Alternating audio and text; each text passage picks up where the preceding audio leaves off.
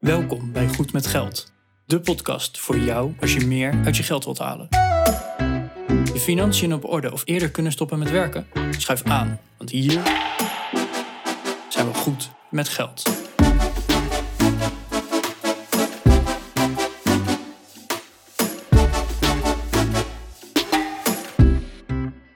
aflevering 90 van de Goed met Geld podcast. Ik ben Bas. En hier zit Arjan. En Arjan, jij zit eh, verschrikkelijk thuis te werken, of niet? Ik ben onwijs hard aan thuiswerken. Ik kan de dagen sinds eh, maart, hè, dat we in de, de corona-lockdown van 2020 gingen, het aantal dagen op kantoor kan ik nog steeds op precies twee handen tellen. Er moet nu niet een dag bij komen hoor, Bas, dat niet. Maar... Dan moet je je tenen erbij gaan gebruiken. Oh ja, goeie. Ja, uh, nee, ik, ik kan ze nog op precies twee handen tellen. Ik heb wel geteld tien dagen op kantoor gewerkt. Ja, ik denk dat ik uh, sinds maart minder dan tien dagen bij de klant op locatie ben geweest. ik werk dus ook volledig thuis. Maar vandaag gaan we het niet hebben over thuiswerken. We gaan het vandaag hebben over allerlei vergoedingen die een werkgever aan een werknemer kan verstrekken. En of die dan belast of onbelast zijn. En eigenlijk de reden dat ik aan jou vraag, Arjan, of je thuis werkt, is omdat er heel veel werkgevers zijn die tegenwoordig met thuiswerkvergoedingen komen? Ja, want het Nibud heeft gewoon berekend dat een, een gemiddelde thuiswerkdag voor de gemiddelde Nederlander kost 2 euro. En dat is dan de koffie, dat is het stroom, hè, want jouw laptop die, uh, die kost ook een beetje prik. Maar ook de verwarming en hè, jouw bureaustoel die slijt een beetje harder. En uh, misschien je tafel die slijt wat harder. Of nou, verzin het maar, theezakjes het toilet wat je door moet spoelen, extra wc-papier wat je aan moet slepen. Nou, poepoe, allemaal heel veel. Gemiddeld genomen komt dat ergens op de ongeveer 2 euro uit. Ja, en dan heb je natuurlijk altijd uh, medewerkers die daarover beginnen te zeuren. En dan zou ik zeggen van, nou, je hebt ook een stuk minder reistijd en reiskosten. Daar wordt dan niet over gezeurd dat ze dat niet meer hebben.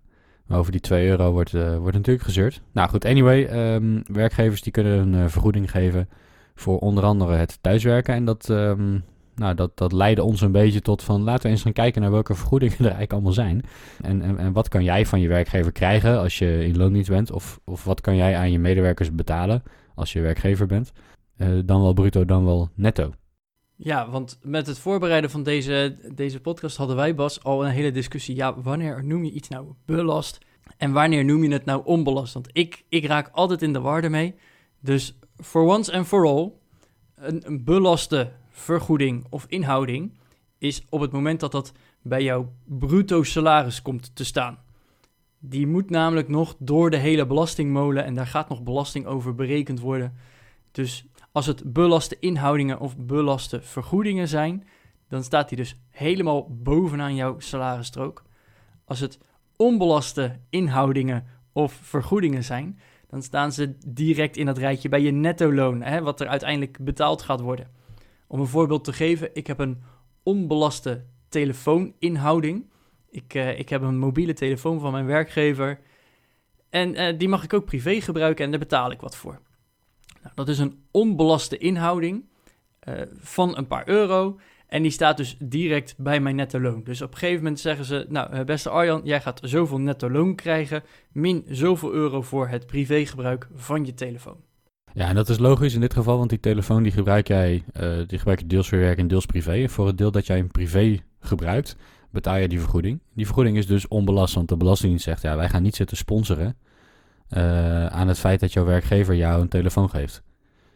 Dus die vergoeding moet jij volledig zelf betalen en het is niet dat de Belastingdienst daar een deel aan meebetaalt. Wat bij een belaste inhouding wel zo is.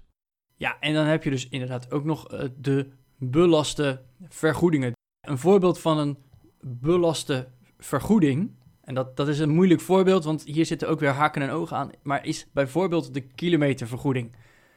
Er is namelijk een deel onbelast en een deel belast. Standaard wordt er altijd geroepen namelijk dat je 19 cent de kilometer krijgt. Hè, dat, uh, dat vergoedt een beetje de benzine, de bandenslijtage, nou, al dat. Tot 19 cent is het een onbelaste vergoeding. Dus voor elke kilometer die jij, uh, die jij rijdt en je krijgt daar 19 cent voor, komt dat die 19 cent meteen bij jouw netto loon erbij als vergoeding. Maar zegt jouw werkgever nou van, joh, weet je, die 19 cent, daar kom je meestal net niet mee uit of zo. Ik maak er 29 cent van. Nou, dan blijft die 19 cent blijft onbelast. Hè? Betaal je geen belasting of iets over. Maar de 10 cent die erboven komt, dat is een belaste vergoeding. Dus over die 10 cent moet jij wel belasting gaan betalen. Nou, dus daar zal dan een deel bij de belaste vergoeding zijn en een deel bij de onbelaste vergoeding. Maar dus over die 10 cent moet jij wel belasting betalen, dus die staat bij de belaste vergoedingen. Die moet nog door de hele belastingmolen heen. Ja, belaste vergoedingen worden gezien als een, uh, als een looncomponent. En dat betekent dat je net als over jouw gewone bruto salaris belasting moet betalen over deze uh, vergoedingen. Die staan dus ook uh, in het rijtje. Ik onthoud hem voor mezelf altijd door te zeggen van oké, de, de ingehouden belasting, die staat ergens halverwege je loonstrook. Dat is een soort, soort scheidingslijn.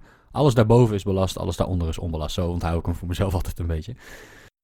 Nou, ik vond het wel een mooie dat je het aan mij uitlegde, Bas, want hè, ik, ik haalde hem altijd door elkaar. Uh, belast, dat moet nog door de belastingmolen heen. Uh, dus daar moeten nog inhoudingen, belastingen en, en alles uh, over berekend worden. Maar goed. De thuiswerkvergoeding, waar we het net over hebben gehad. Dat is een beetje een lastig, hè? Want we kunnen daarvan een, een deel belast, een deel onbelast uit gaan keren.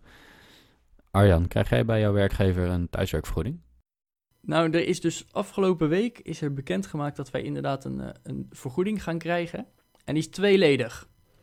Uh, allereerst krijgen wij een vast bedrag. Of daar, daar, kunnen we op ons inschrijven. En dat is om ons, uh, onze werkplek in te richten. Dat is dus eenmalig? eenmalig. Oh ja. En daar kunnen wij dus een, een bureau van kopen en een bureaustoel en eventueel een tweede scherm als we dat willen. Nou, hè, de, op, op die manier kunnen we onze, onze thuiswerkplek inrichten. En ik heb in de regels ergens al teruggelezen dat dat uh, eenmalig per zeven jaar is. Dus als ik nu nog zeven jaar voor deze werkgever blijf werken, dan mag ik er over zeven jaar waarschijnlijk nog een keer aanspraak op maken. Maar ik verwacht niet dat corona dan nog steeds er is. Dus ik, ik denk dat dat dan alweer ergens teruggedraaid is. Maar goed, nu eenmalig. en we krijgen ook een, een thuiswerkvergoeding. Hè? De, de, die ene vergoeding voor de koffie, toiletpapier, het extra water wat je gebruikt en het, het, stroom en gas. Zulke zaken, daar krijgen wij ook een, een, maandelijkse vergoeding voor. En zijn deze twee vergoedingen die je krijgt belast of onbelast? Wat mijn werkgever heeft gecommuniceerd is dat ze onbelast zijn. Oké, dus dat betekent dat als jij, uh, ik, ik weet de bedragen niet, dat maakt niet zoveel uit, maar als jij een tientje krijgt, dan krijg je ook echt een tientje. Dan krijg ik uh, netto 10 euro op mijn rekening erbij. Ja, nou, we hebben het even opgezocht. En de werkgever mag vergoedingen voor thuiswerken verstrekken. En dan wordt door de, uh, ja, door de Belastingdienst een onderscheid gemaakt tussen mensen die uh, af en toe thuiswerken. Nou, Arjan, ik denk dat jij onder die uh, categorie valt, hè? Want jij ja. wordt ook af en toe op kantoor verwacht. Misschien nu ik, met ik corona werk, niet, ja, maar... nu werk ik heel veel thuis. Ja. Uh, maar, maar in de regel is, werk je af en toe thuis. Het is nog steeds tijdelijk, inderdaad. Het is niet permanent. Nee. Dus er zijn... Uh, dat onderscheid wordt dus gemaakt tussen mensen die, zoals jij, af en toe thuiswerken... en mensen die 100% thuiswerken. Die worden telewerker respectievelijk thuiswerker genoemd. Uh, en een telewerker die mag, nee, die mag een bepaald bedrag krijgen. We hebben iets gezien, 1815 euro per vijf jaar voor de inrichting van een werkplaats thuis. En die mag de werkgever dan dus netto verstrekken.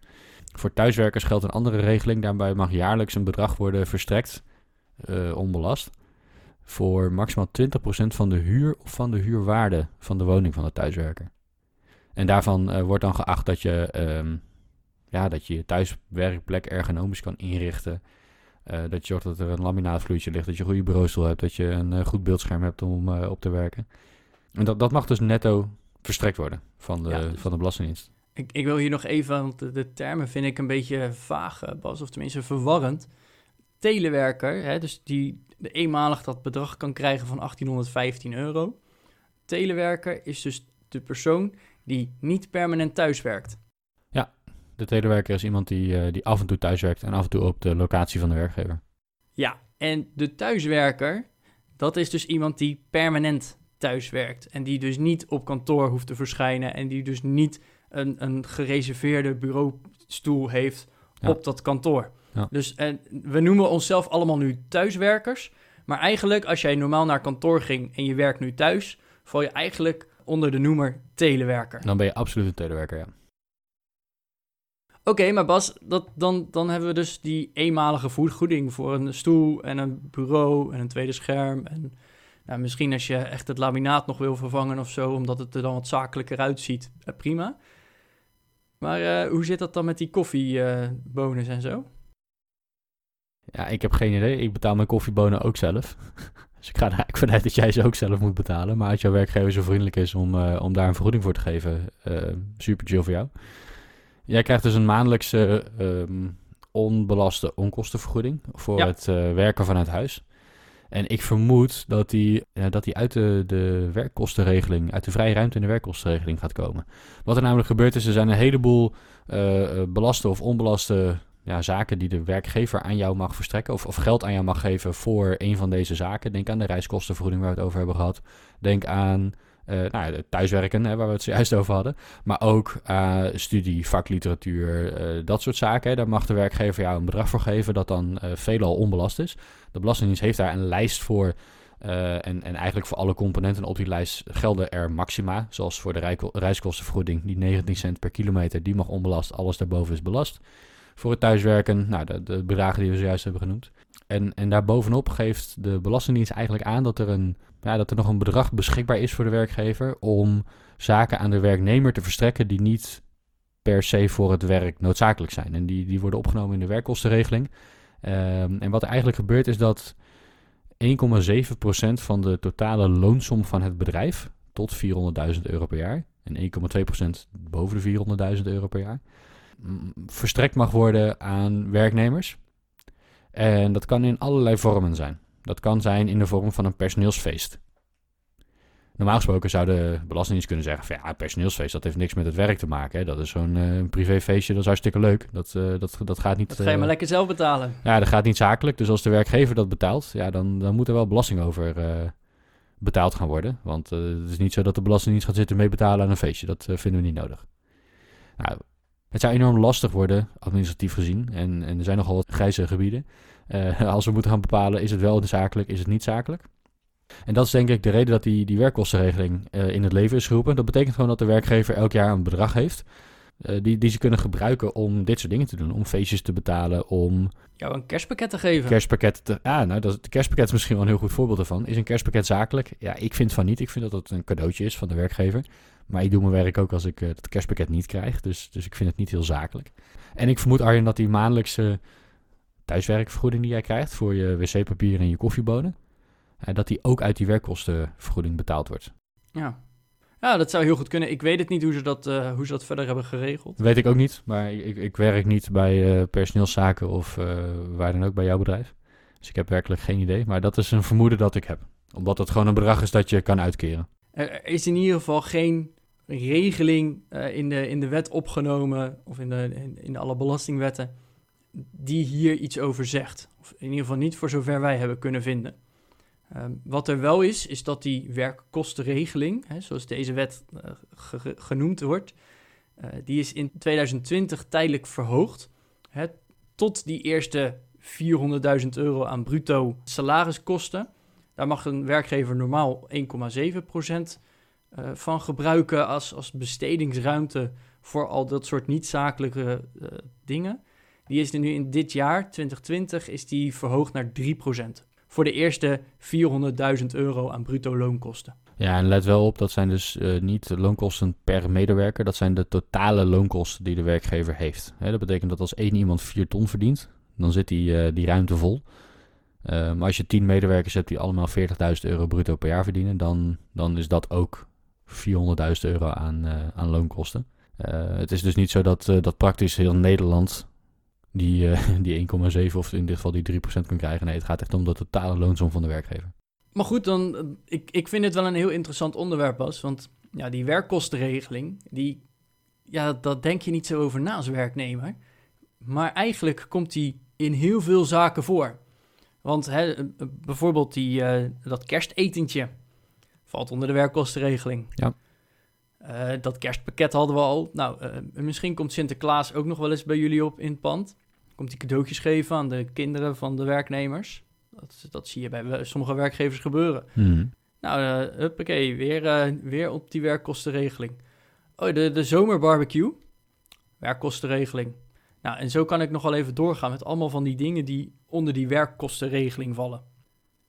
Maar ja, dan zit je toch wel aan een maximum bedrag op een gegeven moment. En wat zijn dan de consequenties voor jouw werkgever? Dat is ook wel even belangrijk om te weten.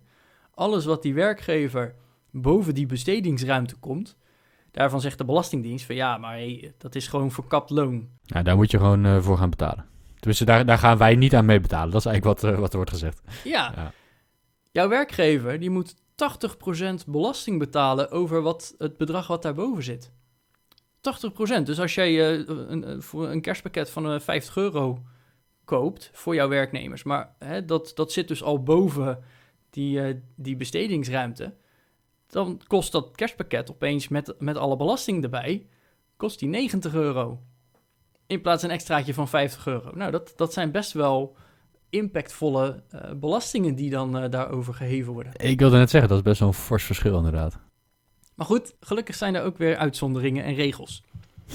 Gelukkig Is, maar. is het, ja, nee, gelukkig maar, hè. Waar zouden we zijn zonder de uitzonderingen? Ja, nou, Nederland is volgens mij wel een uitzonderingenland, hoor. Want Bas, heb jij wel eens een, eh, een borrel gehad en daarvoor had je eerst nog een, een spreker of zo? Dat er iemand zijn boek ging presenteren of die, die dan zei van de, een, inspira een inspirational speaker, zoals dat zo mooi heet.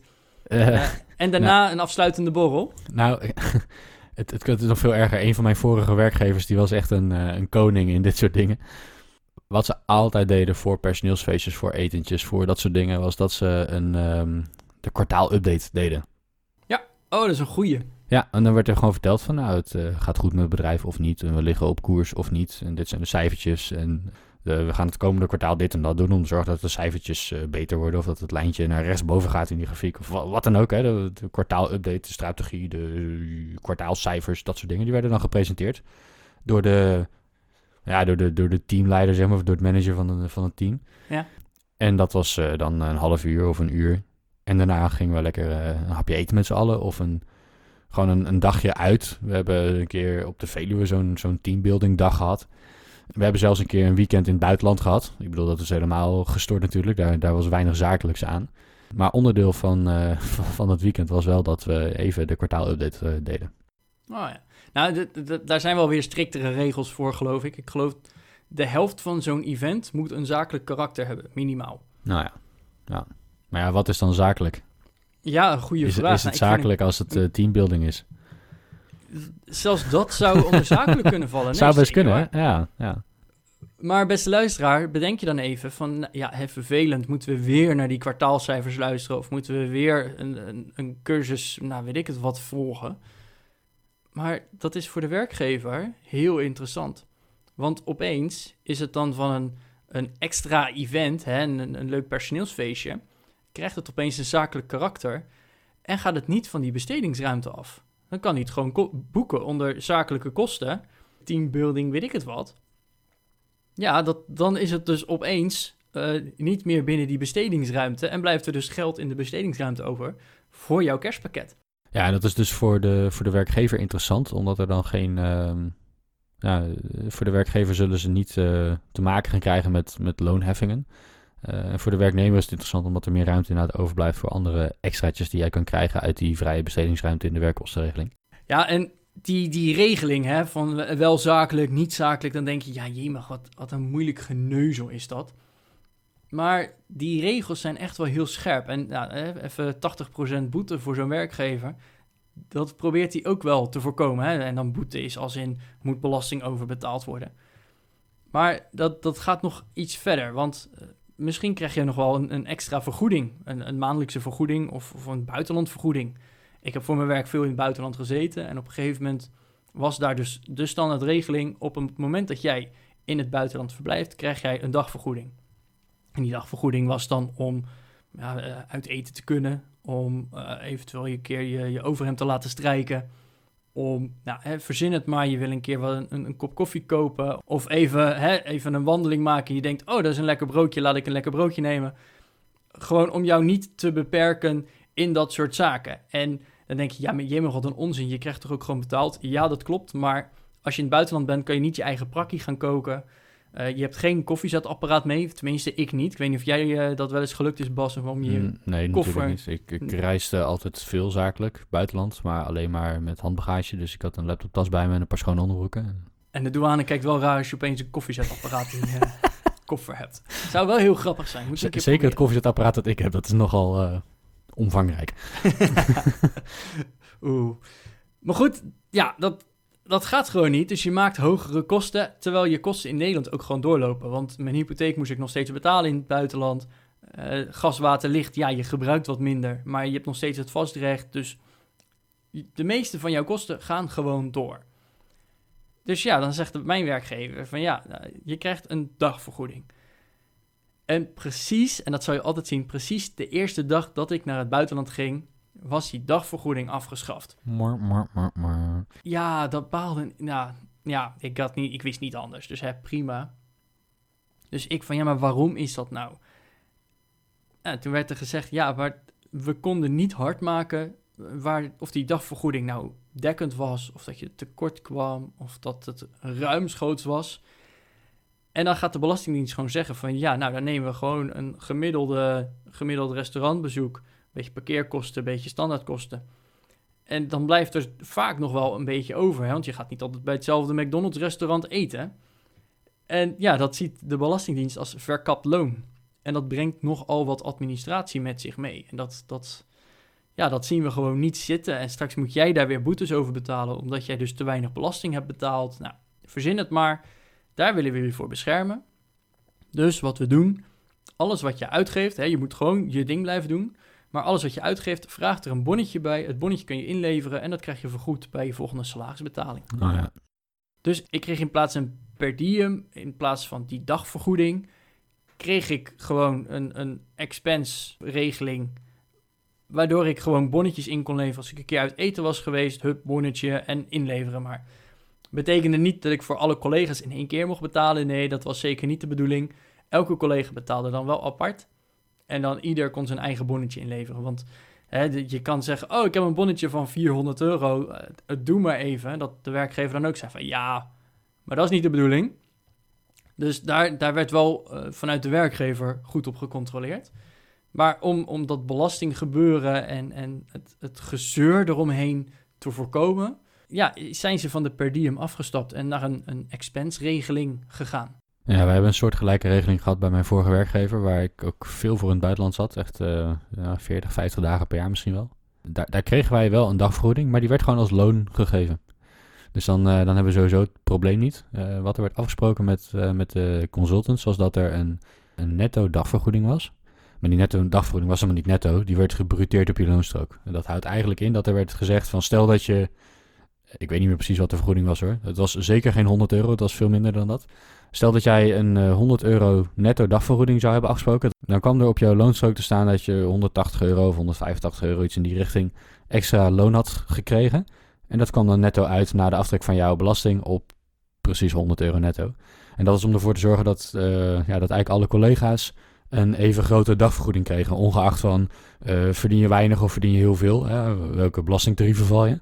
Uh, dat iedereen in elk geval die netto vergoeding kon krijgen. Dus dan hadden we sowieso niet dat gezeur met is het zakelijk of niet. Nee, het is gewoon loon. Je krijgt gewoon een, ja, een soort... Ja, jouw werkgever berekende dus eigenlijk gewoon... wij willen jou, eh, stel even 100 euro netto betalen. Hoeveel moeten we je dan bruto geven op je salarisstrook om op die 100 euro netto te komen. Precies, dat werd uitgerekend uh, door, de, door de loonadministratie. En ik meen dat de vergoeding was iets van 40 euro, 50 euro, iets in, okay. die, iets in die richting, uh, netto. Dus dat was best wel, um, best wel prima. Alleen om, inderdaad, om te voorkomen uh, dat er een discussie met de Belastingdienst ontstaat over het zakelijk karakter, werd er gezegd van nou, dat is gewoon een, een looncomponent. Uh, en er werd gewoon als, als jij kreeg gewoon een buitenlandbonus als het ware. Je kreeg gewoon het extra inkomen omdat je in het buitenland zat. Okay. Uh, en je mocht inderdaad wel uh, al, je, al je uitgaven daar expensen. Dus dat was wel relaxed. Je kon gewoon een hapje gaan eten en een fotootje van een bonnetje insturen met je, met je timesheets. En dan werd hij na de volgende maand netjes als, als onkostenvergoeding, of niet als onkostenvergoeding, maar werd hij netjes als, als gedeclareerd bedrag terugbetaald.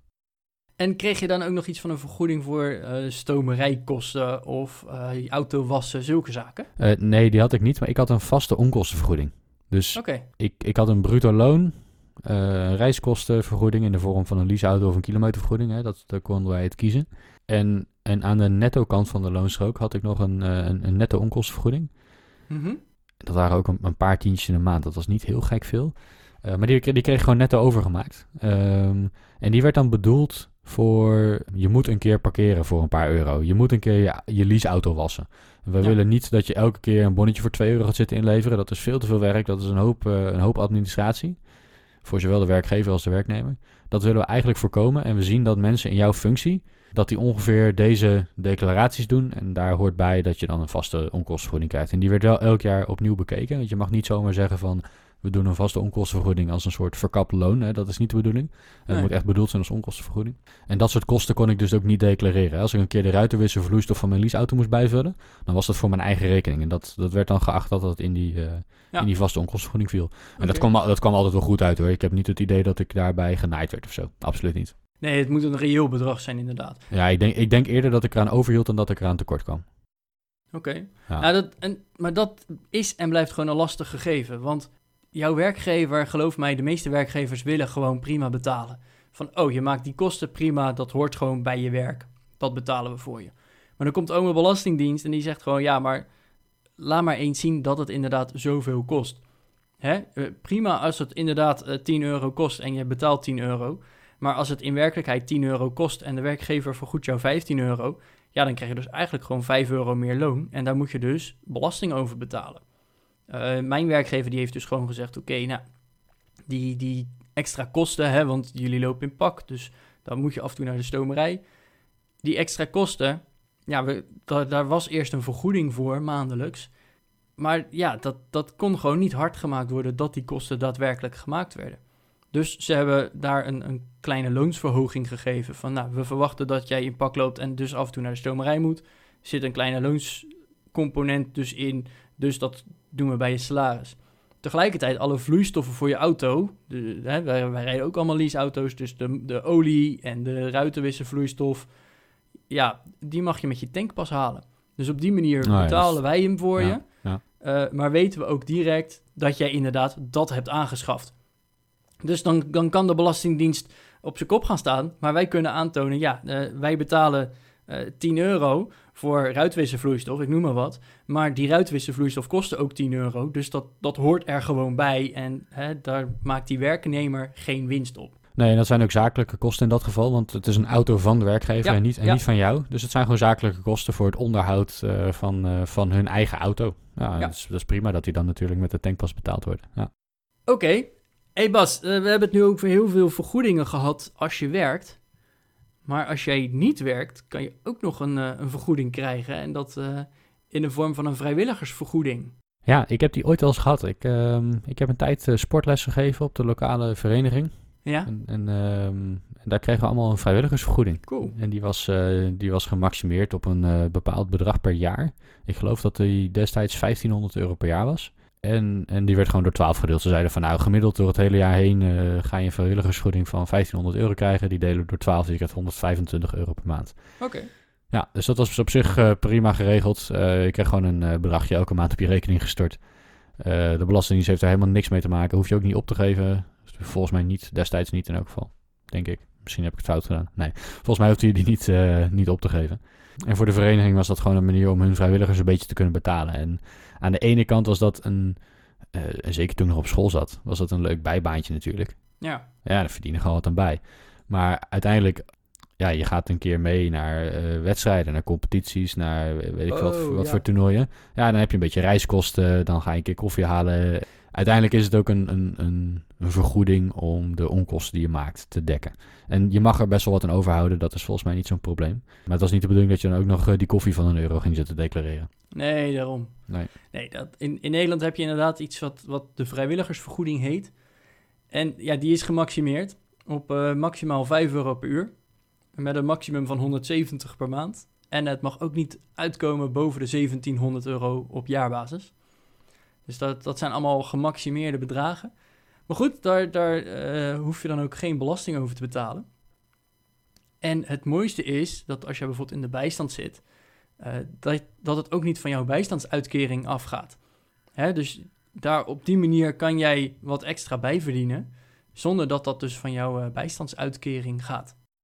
Ja, maar dat is anders wel zo, geloof ik. Hè? Als, je een, ehm, eh, als je salaris krijgt, als je werkt, terwijl je een bijstandsuitkering hebt, dan, dan, Ja, dan dan wordt er je- gekort op je uitkering, of Dan niet? gaat je uitkering inderdaad gewoon omlaag. Ja, het fijn is dat het met een vrijwilligersvergoeding dus niet is. Hè? Dus ik, ik vind het wel goed dat er gestimuleerd wordt, eh, dat, dat er in ook van nog maatschappelijk eh, betrokkenheid is, dat er maatschappelijk werk gedaan wordt.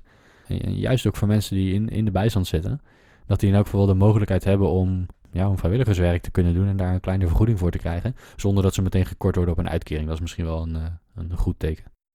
Ja, dus maar goed, zit je in de bijstand en wil je misschien wel een extra zakcentje verdienen, dan kan dat natuurlijk ook op deze manier. Ja, Bas, een hele aflevering over alles wat een werkgever voor je kan betalen. Hebben we, hebben we alles gehad, denk je? Nee, dat denk ik niet. Ik denk het ook niet. En ik weet ook zeker dat wij niet alles tot op de letter nauwkeurig, zoals het in de wet staat, uh, hebben genoemd.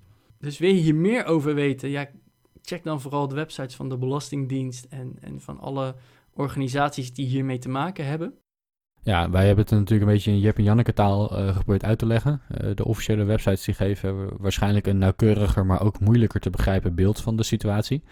Wij proberen de onderwerpen altijd uh, een beetje ja, eenvoudig behapbaar te maken. En op onze website, op de show notes van deze aflevering, op www.goedmetgeldpodcast.nl slash 090, vind je um, een klein overzicht van de zaken waar we het vandaag over gehad hebben. Eigenlijk zoals altijd. En daar kan je dus onder andere teruglezen wat voor vergoedingen, inhoudingen enzovoort ze allemaal zijn, hoe die ongeveer werken. Dus check even de show notes. Ja, en vond je deze aflevering nou leuk? Uh, volg ons dan op Instagram. Want daar doen wij dus nog veel meer dan een podcast maken. Dus ja, klik daar ook nog even op follow. Je vindt ons op goed met geld. En wil je een reactie achterlaten, dan kan dat natuurlijk eh, via Instagram, maar ook op onze website of via het contactformulier of via mail gmg.goedmetgeldpodcast.nl. En uh, ja, tot volgende week. Tot volgende week.